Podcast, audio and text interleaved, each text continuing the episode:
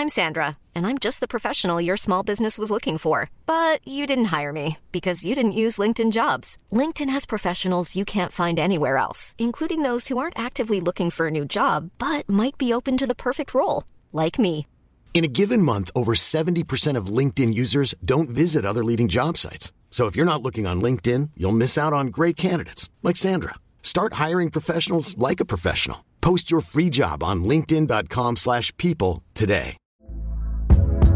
Hey there, it's Michelle Norris. I'm host of a podcast called Your Mama's Kitchen. When I travel, I'm usually looking for a way to find a taste of home when I'm not at home. And one of the things I love to do when I am at home is entertain. And Airbnb allows me to do that. When I was in California recently, I rented a house that had a great kitchen. And when we were sitting around the table, we we're all thinking, we're in someone else's house. Someone could be in all of our homes as well. If you have a home, but you're not always at home, you have an Airbnb. Your home might be worth more than you think. Find out how much at airbnb.com/slash host. Hey, it's Ryan Reynolds, and I'm here with Keith, co star of my upcoming film, If, only in theaters, May 17th. Do you want to tell people the big news? All right, I'll do it. Sign up now and you'll get unlimited for $15 a month and six months of Paramount Plus Essential Plan on us. Mintmobile.com slash switch. Upfront payment of $45 equivalent to $15 per month. Unlimited over 40 gigabytes per month. Face lower speeds. Videos at 480p. Active Mint customers by 531.24 get six months of Paramount Plus Essential Plan. Auto renews after six months. Offer ends May 31st, 2024. Separate Paramount Plus registration required. Terms and conditions apply if rated PG.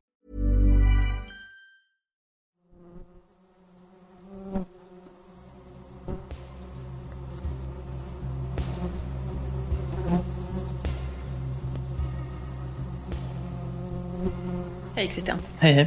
Det här gäller ju en händelse den 27 juni i år. Och jag tänkte att jag, jag ber dig att berätta själv. Dels om själva tillfället när ni kommer till platsen på Johannesbergsplan 2 och vad ni ser där. Och sedan vad som händer därefter och sen vad Alejandro har berättat för dig i polisbilen. Absolut.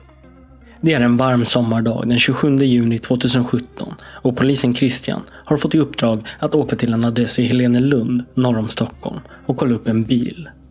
Det är en person från Trafikverket som tidigare ringt in och anmält att en mörkgrå Volvo V70 stått på en och samma plats väldigt länge.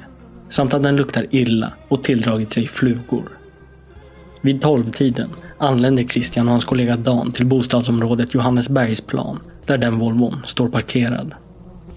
Vi såg ju, ja, när vi tittar in i bilen så ser vi ju vad jag uppfattar som gödsel i bilen. Ehm, och mycket flugor. Ehm, och det låg någon, någon svart eh, sopsäckar bak till. Samtidigt står en 39-årig man på sin balkong bara några hundra meter längre upp på gatan och iakttar nervöst poliserna som kikar in i bilen. Hans namn är Alejandro. Det är han som äger bilen och han är hemma med sin ett och ett halvt åriga son. Alejandro har levt med en mörk hemlighet i över ett års tid. Han vet nämligen vad som finns i bilen. Alejandro inser att tiden är kommen att bemöta polisen. Och när vi står där och tittar in i bilen så kommer det en till person till platsen. Eh, som är Alejandro då. Och eh, frågar om han kan hjälpa oss. Men även om Alejandros tanke var att äntligen lägga korten på borden så börjar han nu vackla. Kanske vill han först försöka lösa det här problemet på ett kortsiktigt sätt. Som han gjort så många gånger tidigare. När Alejandro möter poliserna Christian och Dan berättar han inte sanningen. Och sanningen kommer till en början vara svår att komma fram till. Alejandro berättar först att den här bilen tillhör hans kompis Anders som nyligen varit ute och jagat. Och att det därför är så många flugor kring bilen. Eh, och vi ställde frågan. Han, vi uppfattade honom som nervös. Han hade telefonen i handen och skulle ta upp telefonen. Då så säger, vi, säger min kollega till honom att han ska ta ner telefonen för nu pratar vi här.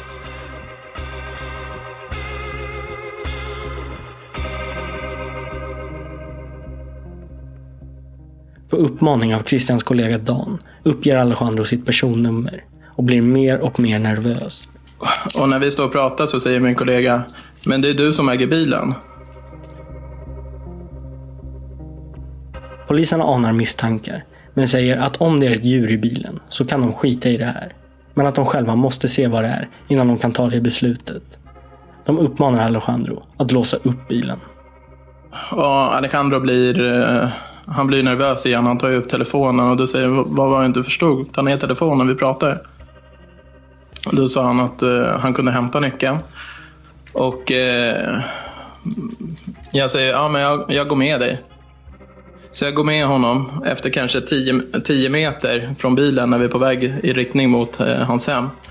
Så får jag ma dålig magkänsla och eh, tar upp min pepparspray. Antingen kommer han springa eller så kommer han slå mig, tänkte jag. Eh, så går han lite fortare. Då sa jag till honom, du behöver inte gå så fort, vi kan gå i samma takt. Eh, men då saktar han in och eh, säger till mig att... Eh, att eh, då frågar jag honom vad det var. Då sa han att eh, han måste berätta något.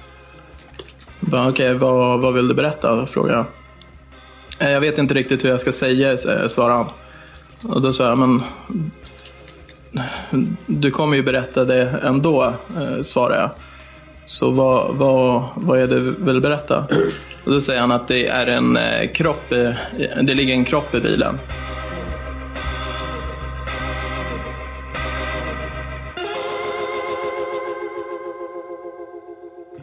Det var i somras som en död kropp hittades i en bil i stadsdelen Helenelund norr om Stockholm. Polisen tror att han mördades av en man i personalen på hans boende.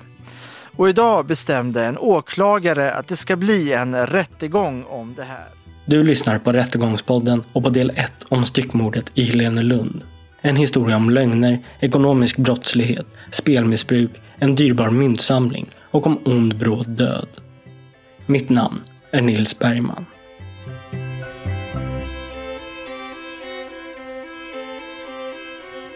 Han har sagt till polisen att han mördat den här äldre mannen eftersom att han ska ha velat dö.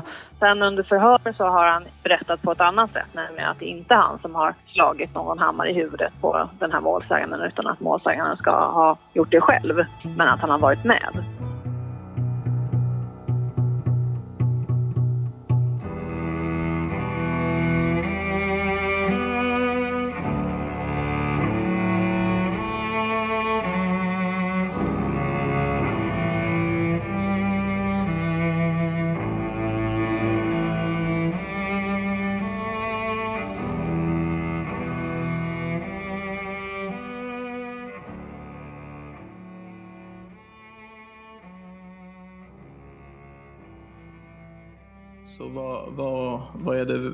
Detta? Och då säger han att det är en eh, kropp, eh, det ligger en kropp i bilen.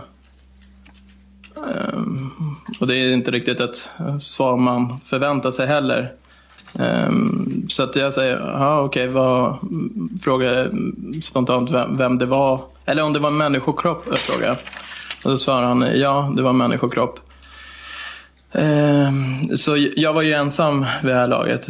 Ehm, så jag eh, säger till honom att han, vi ska gå till en parkbänk som ligger precis ja, runt, runt hörnet där bilen stod. Och att han ska sätta sig ner.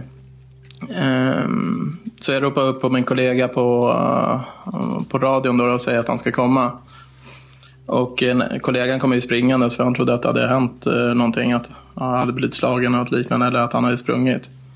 Eh, men Alejandro satt ju ner på parkbänken där och jag fortsätter samtalet och frågar vem personen, vem personen eh, var då, då.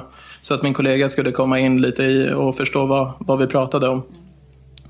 Eh, när han säger att den här personen eh, hette Hans och eh, hade väl legat i, i bilen i ett år. Lite över ett år eller ett år, något sånt där. Um, så vi beslutade om att gripa eh, Alejandro och ta honom till, till bilen. Um, så vi sätter honom i bilen och uh, vi informerar honom att han är uh, initialt gripen för, för mord. Och Alejandro han, uh, han bryter ihop i, i bilen då och börjar gråta. Han frågar efter sina barn för jag förstod att han hade ett en tvååring och sen var det bara någon vecka gammal bebis hemma som han eh, passade och hans sambo låg och sov vid det tillfället. Så barnen var ju ensamma eh, ja, i rummet då, då, Inte i lägenheten men i rummet. Um, så han, eh, han började gråta och frågade om han kunde gå upp till, till dem. Jag sa att eh, det, är inte, det, det kommer inte han få. Han är gripen nu och eh, han frågade om han fick ringa jag sa att han inte får ringa. Um, och jag sa att vi kommer skicka upp en patrull uh, som får informera din, din, uh, din sambo eller fru uh, vid senare tillfälle. Och i bilen uh, så, så börjar han ju... Han, han, säger någonting i stil med vad har jag gjort, vad har jag gjort och sitter och, och gråter. Um, jag säger till honom att han kommer ju eh, få berätta rutinerna vad vi har. Att han är gripen. Han kommer, eh, han kommer föras till polisstationen. Eh, det är han själv som sätter ribban. Vill han vara stökig så, så kommer vi sätta bojor på honom och liknande. Bara informera hur allt, eh, på, eh, hur allt eh, sker då. då. Eh, och att han kommer, bli, eh, kommer få en eh, tilldelad försvarare om, om han så skulle vilja.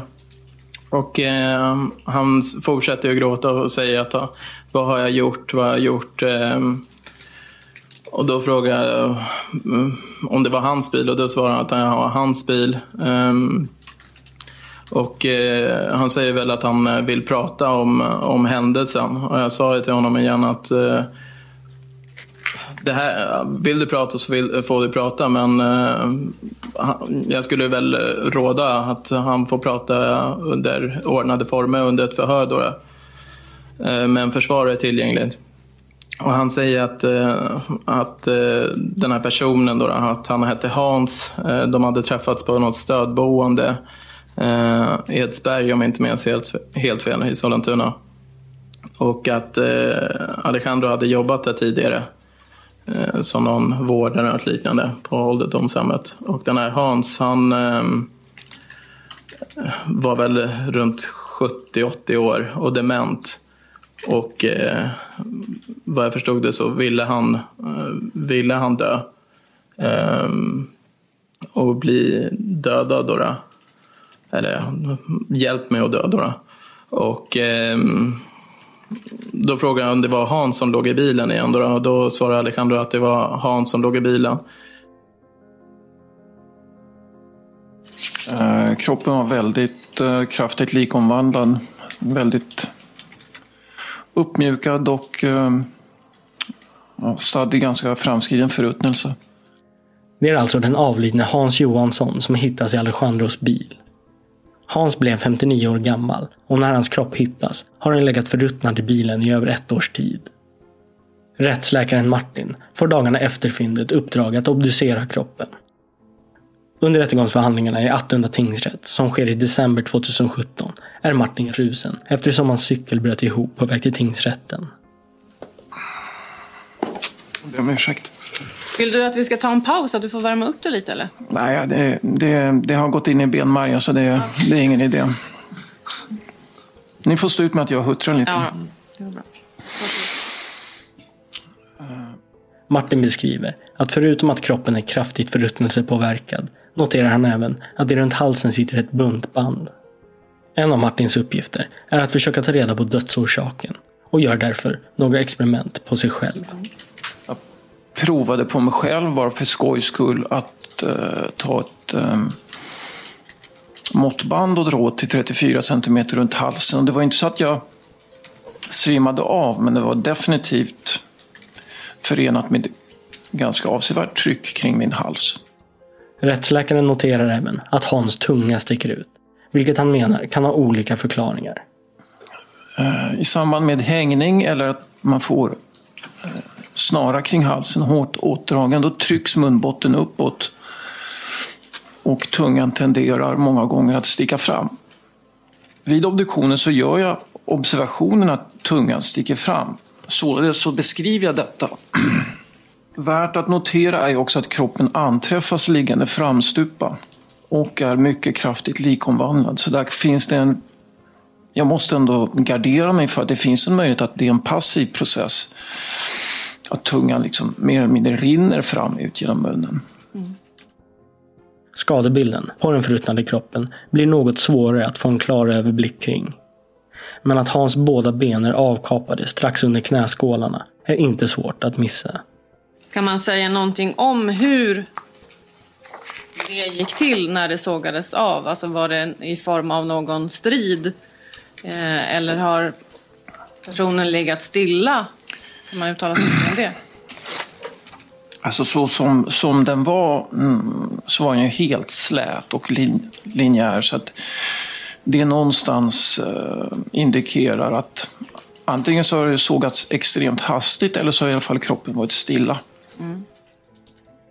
Martin noterar även de stora skadorna på sidan av Hans huvud, som blir intressanta då de är så omfattande att de högst troligen kan vara dödsorsaken. Eh, och man kan ju se att det finns två islags, alltså två mindre och lite rundade eh, frakturer som är sammanbundna med en lite oregelbunden och krokig eh, fraktur. Och fram till åt tinningregionen så finns det en större eh, defekt där det inte finns något skallben överhuvudtaget och det in, ligger inramlat eller inpressat i skallhåligheten i flera mindre fragment. De har uppkommit till följd av eh, trubbigt våld. Eh, och eh, min bedömning är att det här har uppkommit till följd av tre separata eh, islag. Eh, sannolikt med något relativt hårt föremål eh, som är rundat. Eh, Möjligtvis eh, alltså cirkulärt med en plan yta. Skallskadorna tros ha uppkommit av ett hårt föremål med en cirkulär och plan yta, ungefär som en hammare eller slägga. Polisen Christian, som omhändertog Alejandro och är med honom i polisbilen på väg till polisstationen, vittnar om vad Alejandro då berättar för honom. Och Christian är noga med att påpeka för Alejandro att han gör bäst i att vänta med att berätta något tills han blivit tilldelad en försvarsadvokat. Men Alejandro vill ändå lätta på hjärtat och börja berätta hur det gick till då Hans miste sitt liv.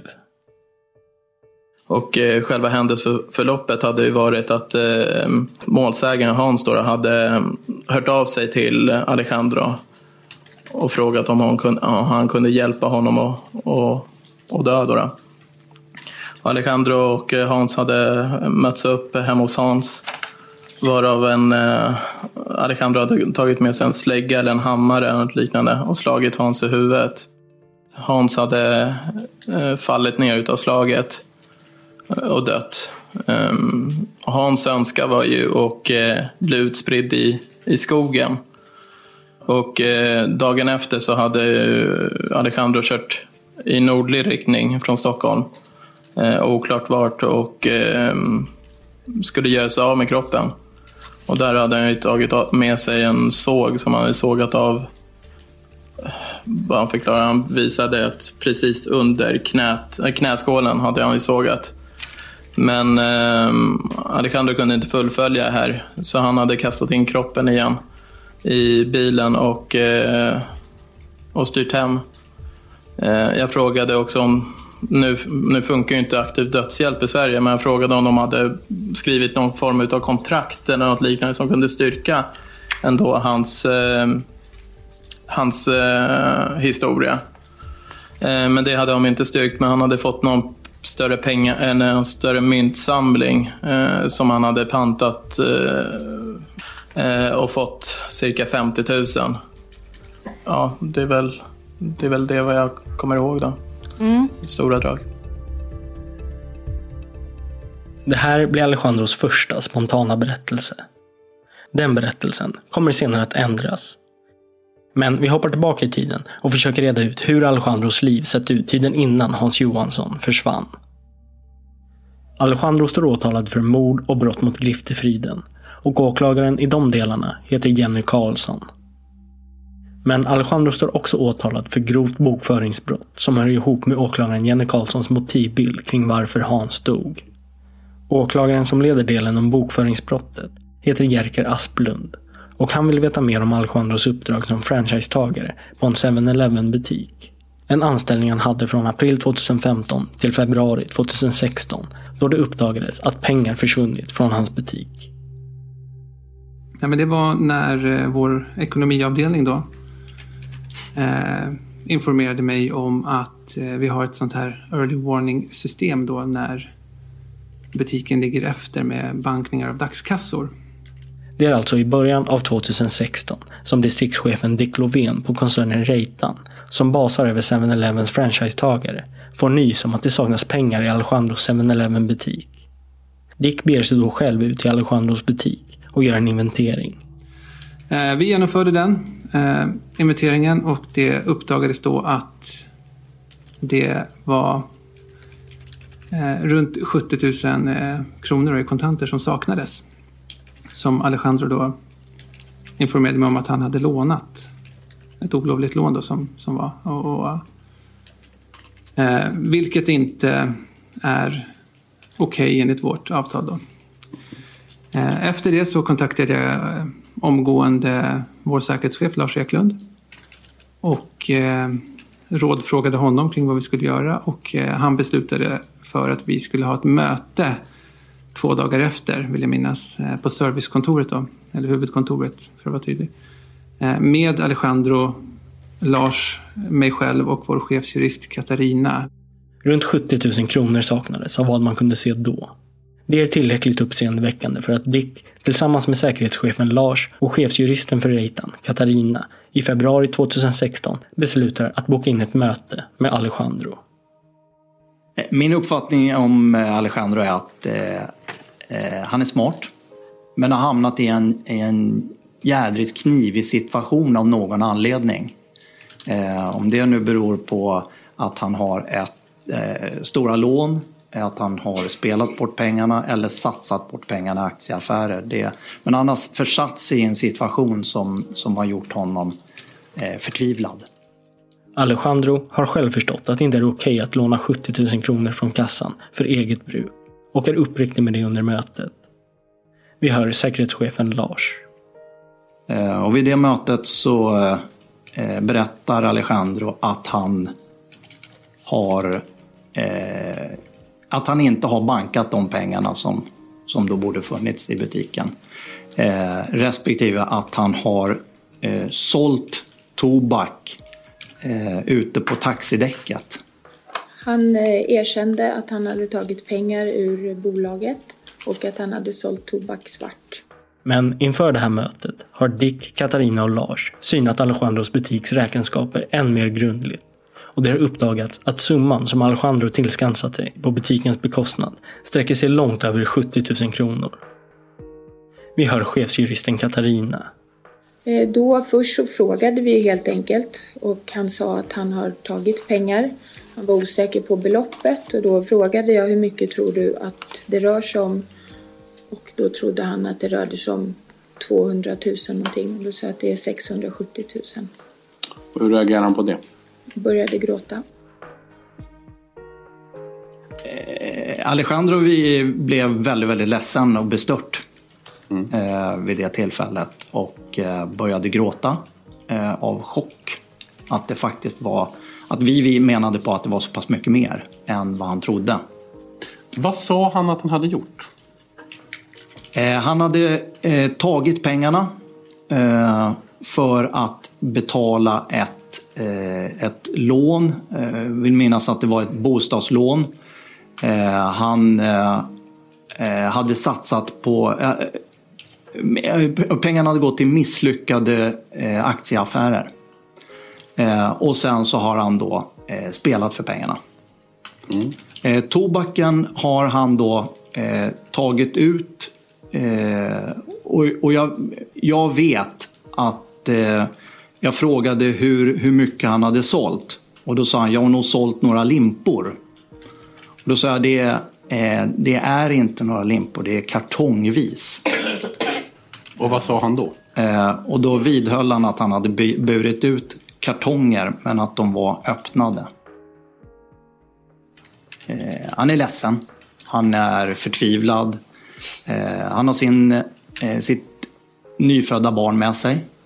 Eh, och vi gör avbrott för att hämta, hämta papper för att torka tårar. Vi gör avbrott för att eh, eh barnet blir ledset. Vi, eh, vi hämtar banan, mosar, mosar banan till honom, eh, till barnet. Eh, och, eh, eh, men jag skulle bedöma att det tar timmen, dryga timmen. Dick, Katarina och Lars framhäver att de ser mycket allvarligt på det här, vilket Alejandro förstår. Med sin nyfödda son i famnen reser han sig upp och lämnar Dick, Katarina och Lars som insett att Alejandro inte mår bra och troligen behöver någon form av hjälp. Nej, men, både jag och Lars Eklund blev lite oroliga för eh, hur han mådde i det här så att eh, han erbjöd sig då av, av Lars eh, samtal med vår samarbetspartner Prästbyrån som är samtalsterapeuter. Eh, som vi då, som, som Reitan då skulle bekosta såklart. Um, han var uppriven och ledsen.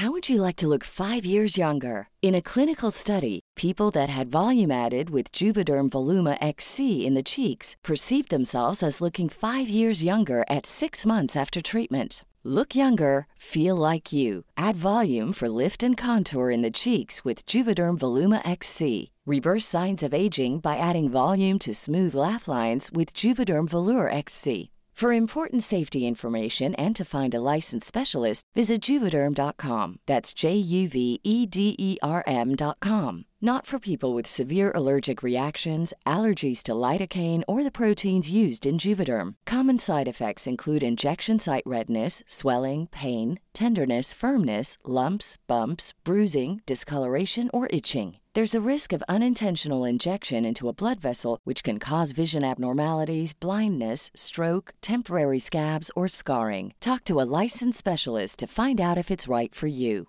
Hiring for your small business? If you're not looking for professionals on LinkedIn, you're looking in the wrong place. That's like looking for your car keys in a fish tank.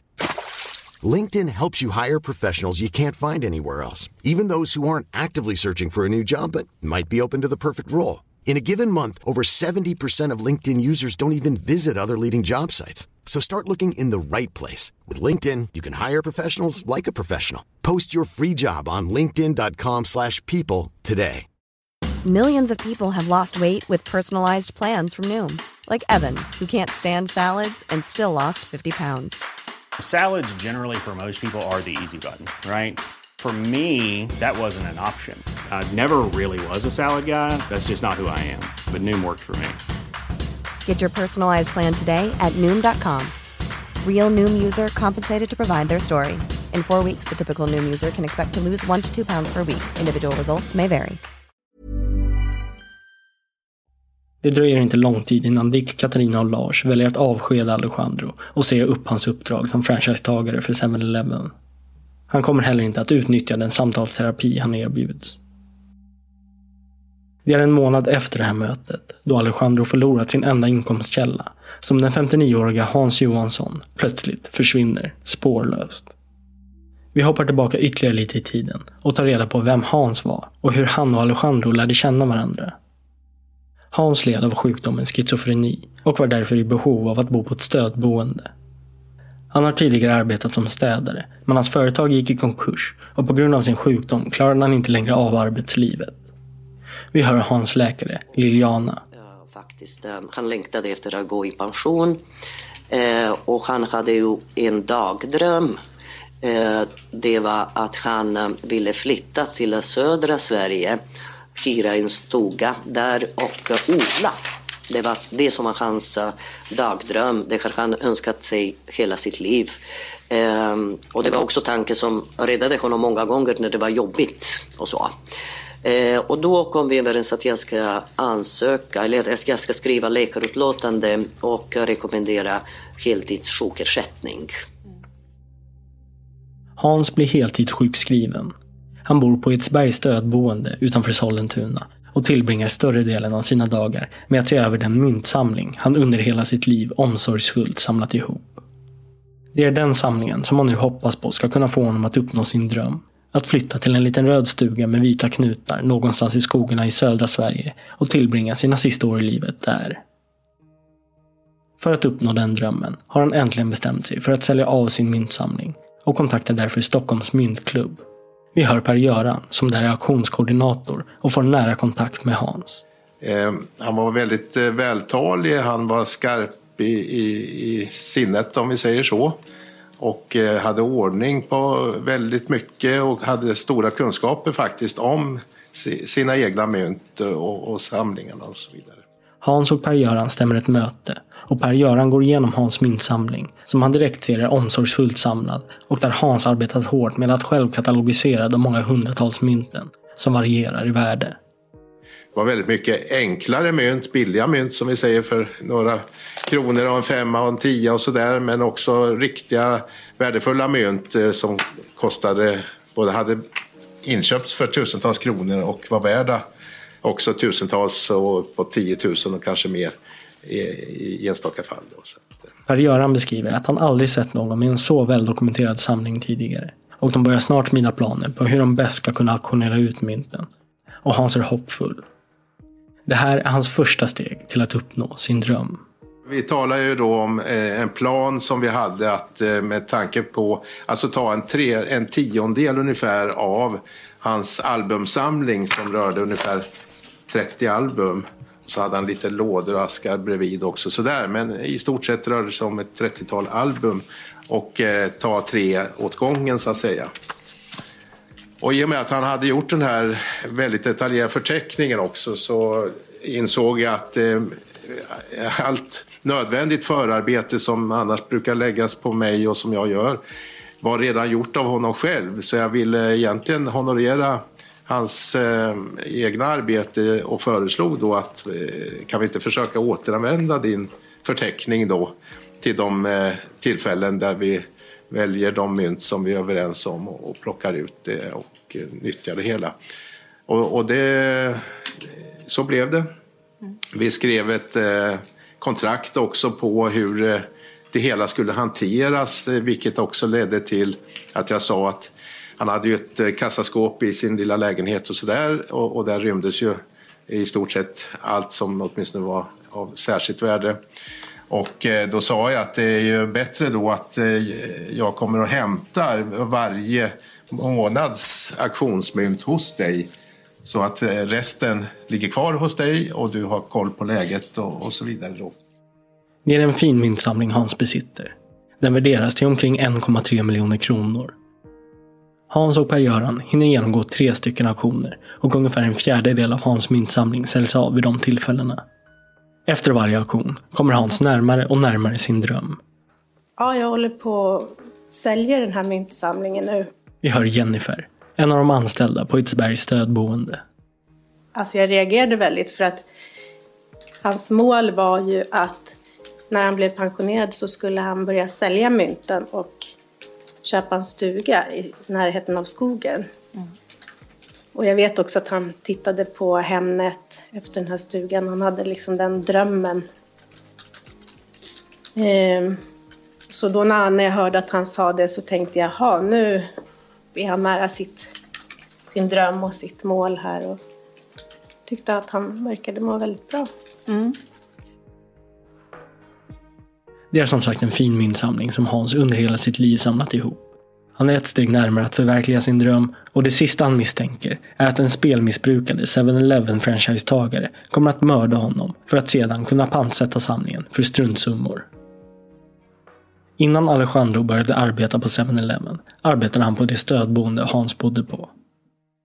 Hans har beskrivits av personalen som en ensam varg, men som ändå kunde vara social. Jag tänkte på det här med, med Hans eh, mynt och hans myntsamling. Var det någonting som han ofta pratade om? Var det någonting som var allmänt känt på boendet att han ja. hade den här myntsamlingen? Ja, för det var ju det han pysslade mycket med. Så på hembesöken, han var ju väldigt stolt över den här samlingen så han berättade ju gärna om den och, och så. Alejandro arbetar som behovsanställd på Edsbergs stödboende under ett års tid och slutar i september 2014. Efter att han slutat utvecklar han ett värre och värre spelmissbruk samtidigt som han blir franchisetagare för 7-Eleven butiken. Under den tiden blir han djupt skuldsatt, tvingas förskingra pengar och sälja cigaretter svart. Fram tills att det uppdagas och han blir då uppsagd av Dick, Katarina och Lars. Dessutom blir han återbetalningsskyldig för alla de 670 000 kronor han har förskingrat. Vid den här tiden är Hans och myntauktioneraren Per-Göran i full sjå med att sälja av Hans myntsamling. Då han en dag helt plötsligt är spårlöst försvunnen. Och så blev det, men som sagt eh, när det gällde att få kontakt fjärde gången med honom då så eh, var det ju helt omöjligt. Och eh, jag ansträngde mig både för att han alltid hade svarat på telefon tidigare och, och han hade ju e-mail också så att eh, jag skrift, ja, skickade iväg några meddelanden och eh, sökte honom ganska frekvent och blev ju själv lite stressad över att han inte då hörde av sig heller. Han hade inte heller en funktion där man kunde prata in eh, meddelande då så att eh, men jag räknade med att han hade sett numret och så vidare. Hur som helst, eh, han återkom aldrig. Och till slut var vi ju tvungna att ställa in då den del av aktionerna som var tänkt att, att hanteras andra kvartalet. Sen skrev vi eh, även eh, sådana här rekommenderade eh, brev då för vi tänkte ju då att ja, någonting måste ha hänt honom. Kanske att han ligger på lasarett i koma eller vad som helst och eftersom vi inte hade någon annan kontaktperson heller så, så hade vi inget att gå på. Och, eh, men genom att skicka rekommenderade brev så tänkte jag att någon plockar väl upp det. Eh, men eh, vi fick ju retur på dem också. Och då var vi ju ännu mer förundrade så att säga. Och sen eh, tog jag någon kontakt med posten men de hade ju då sin sekretess och de ville ju inte säga om de visste någonting om någon ombudsman eller om något annat i, i sammanhanget heller. Och eh, sen eh, pratade jag också med min klubbstyrelse om det här naturligtvis och, och sådär. Och vartefter, kanske framåt sommaren 2016 så tog, vi, eller tog jag väl någon kontakt med polisen också bara för att fråga då hur är det, hur ska man göra med en sån här person som eh, vi inte vet någonting om och eh, där vi hade lite osålda grejer kvar också som vi då höll inne så att säga. Vi ville ju ha en eh, instruktion om vad göra. Eh, så och eh, inte förhasta oss i övrigt heller. Eh, så att, men de kunde inte heller utröna hur de nu bar sig åt då, om, han, ja, om hans befintlighet så att säga. Hans var oerhört punktlig och missade aldrig en inbokad tid. Så det är fler som saknar Hans då han plötsligt försvinner. Efter den 18 mars tycks ingen ha sett till honom. Den 21 mars upprättas en anmälan om försvunnen person av en av personalen på Edsbergs stödboende. Polisen påbörjar en utredning om vad som kan ha hänt Hans. De kan se att ingen aktivitet skett på vare sig hans kontokort eller mobiltelefon efter den 18 och blir förbryllade. De söker igenom hans lägenhet vid flera tillfällen men hittar inga uppenbara spår efter att ett brott ska ha begåtts. Sökhundar letar också efter Hans i närliggande vattendrag men utan lycka. I april involveras även Missing People. Man söker vitt och brett i området runt omkring boendet och lägger ut en bild på Hans på deras Facebook-sida. Men inga tips kommer in. Hans hade inte många vänner, men han hade syskon som han dock sällan träffade. Inte heller de kan bidra med någon information om var Hans kan tänkas befinna sig. Och Hans förblir spårlöst försvunnen i över ett år. Fram tills att han hittas styckad i Alejandros mörkgrå Volvo. Vi hör återigen Jennifer, som tidigare varit kollega med Alejandro på Edsbergs stödboende. Har du någon uppfattning om Hans och Alejandro fick någon särskild kontakt? Nej, inte mer än att eh, när vi delade upp jobbet så, så, så, så, sa Alex att ja, men jag kan gå till Hans ibland. Så, mm. eh, så att, ja, att de kanske hade någon bra relation där. Eller, mm. Jag tror att han var lite imponerad av hur mycket den här myntsamlingen var värd och sen... Eller att han har sagt det. Mm. Och... Eh, um, nej, det är bara att jag vet vid något tillfälle att hans plånbok hade försvunnit och eh, kontokort. Och eh, han eh, sa att det var någon utomlands som hade tagit ut väldigt mycket pengar på hans kort och sådär. Typ- vilket vi sympatiserade med. Men sen fick jag höra liksom av någon bekant att det inte alls hade varit så. Eh, och det gjorde mig lite... Ja. Vad ska jag säga? Jag blev besviken för att jag hade sympatiserat med det. Så att kanske förtroendet skadades av det. Eh, hade du någon kontakt med Alejandro efter att han hade slutat? Jag träffade honom en gång. Nu, mot bakgrund av vad som har hänt, vittnar flera anställda om att allt inte stod rätt till med Alejandro. Vi har ytterligare en anställd på stödboendet. Och var det någon särskild som inträffade då? Nej, inte då, men dagen efter, 24, då var jag på Rekfrossa med en kompis. Och då började han smsa mig och ville att jag skulle ställa upp för han behövde ett lån. För han skulle ta sin sambo på en resa. Mm. Skulle du låna ut pengar till honom? Eller jag förstod inte. Nej, vi skulle väl skaffa det via banken. Men jag sa nej. På vilket sätt menar du skaffa via banken? Jag skulle, jag skulle vara hans flickvän. Eh, alltså i hans Vi- flickväns skulle namn? gemen- eller? vi- ja, vi, nej, hennes namn skulle vi använda. Hennes namn? Mm. Och så skulle vi ta ett lån. Och hur, hur stort var det här lånet? Ja, det, det vet jag inte. Han sa inga summor. Nej. Och hur svarade du på det här? Jag sa nej. En tack. Hej. Hej. Jag var ombud för Hans syskon. Eh, när du fick höra om att, eh, vad som hade hänt med Hans. Har du läst om det eller sådär? I, och tagit del av uppgifter om det här? Ja, någonstans? jag har läst. Och vad har du tänkt? När du har läst om vad som har hänt?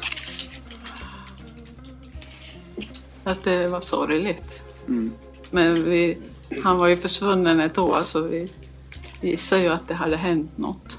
Vad tänkte du kunde ha hänt? Jag vet inte. Men jag vet ju nu vad som har hänt. Men Ja, precis. Vad är din uppfattning om hans mående och sådär? Tror du att eh, han kan ha velat försvinna? nej, det tror jag inte. Enligt Alejandros första berättelse så ville Hans försvinna. Han ville att Alejandro skulle döda honom och sedan begrava honom i en skog. För det skulle Alejandro belönas med myntsamlingen värd 1,3 miljoner. Den misstänkte har tidigare sagt till polisen att det var han som dödade mannen. Nu säger den misstänkte istället att han är oskyldig till mord men han erkänner att han har gjort något olagligt med den döda kroppen. Efter att åtal väckts och Alejandro får ta del av förundersökningen ändrar han sin historia. Han bor då på samma gata som bilen står uppställd. Eh, och på vägen bort mot hans bostad så säger han då att eh, han sätter sig ner och är likblek i ansiktet och säger att det ligger en död man i den här bilen. Sen under förhör så har han berättat på ett annat sätt, nämligen att det inte är han som har slagit någon hammare i huvudet på den här målsäganden utan att målsäganden ska ha gjort det själv. Men att han har varit med. Men nu i ett sista förhör som hölls igår så, så har eh, den misstänkte tagit tillbaka de här uppgifterna och säger att han inte alls har varit med när den här mannen har avlidit. Jag har ju åtalat honom dels för mord eh, på målsäganden och dels för brott mot griftefrid. Och det andra brottet är brott mot griftefrid, där har ju den misstänkte erkänt. I del två hör vi Alejandros minst sagt kontroversiella och i vissa fall ömkande historia. Mitt namn är Nils Bergman. Ansvarig utgivare är Jonas Häger. Stort tack för att ni har lyssnat. Du har gjort så mycket sjuka saker mot mig under så lång tid. Du har varit en annan än du utgivit dig för att vara. Som sagt, jag var, jag var väldigt panikslagen i det hela. Plus att eh, de har sagt att ja, om om jag googlar, googlar dem så skulle de hitta mig. Förlåt, jag hörde inte sista. Om du googlade? Så skulle de hitta mig. Jag vet inte om ni vet vad googlar betyder men det här att jag skvallrar. Jaha, jag tyckte du sa googlade. Om, de, om du googlade dem? Googlar dem, precis. Så skulle de hitta mig.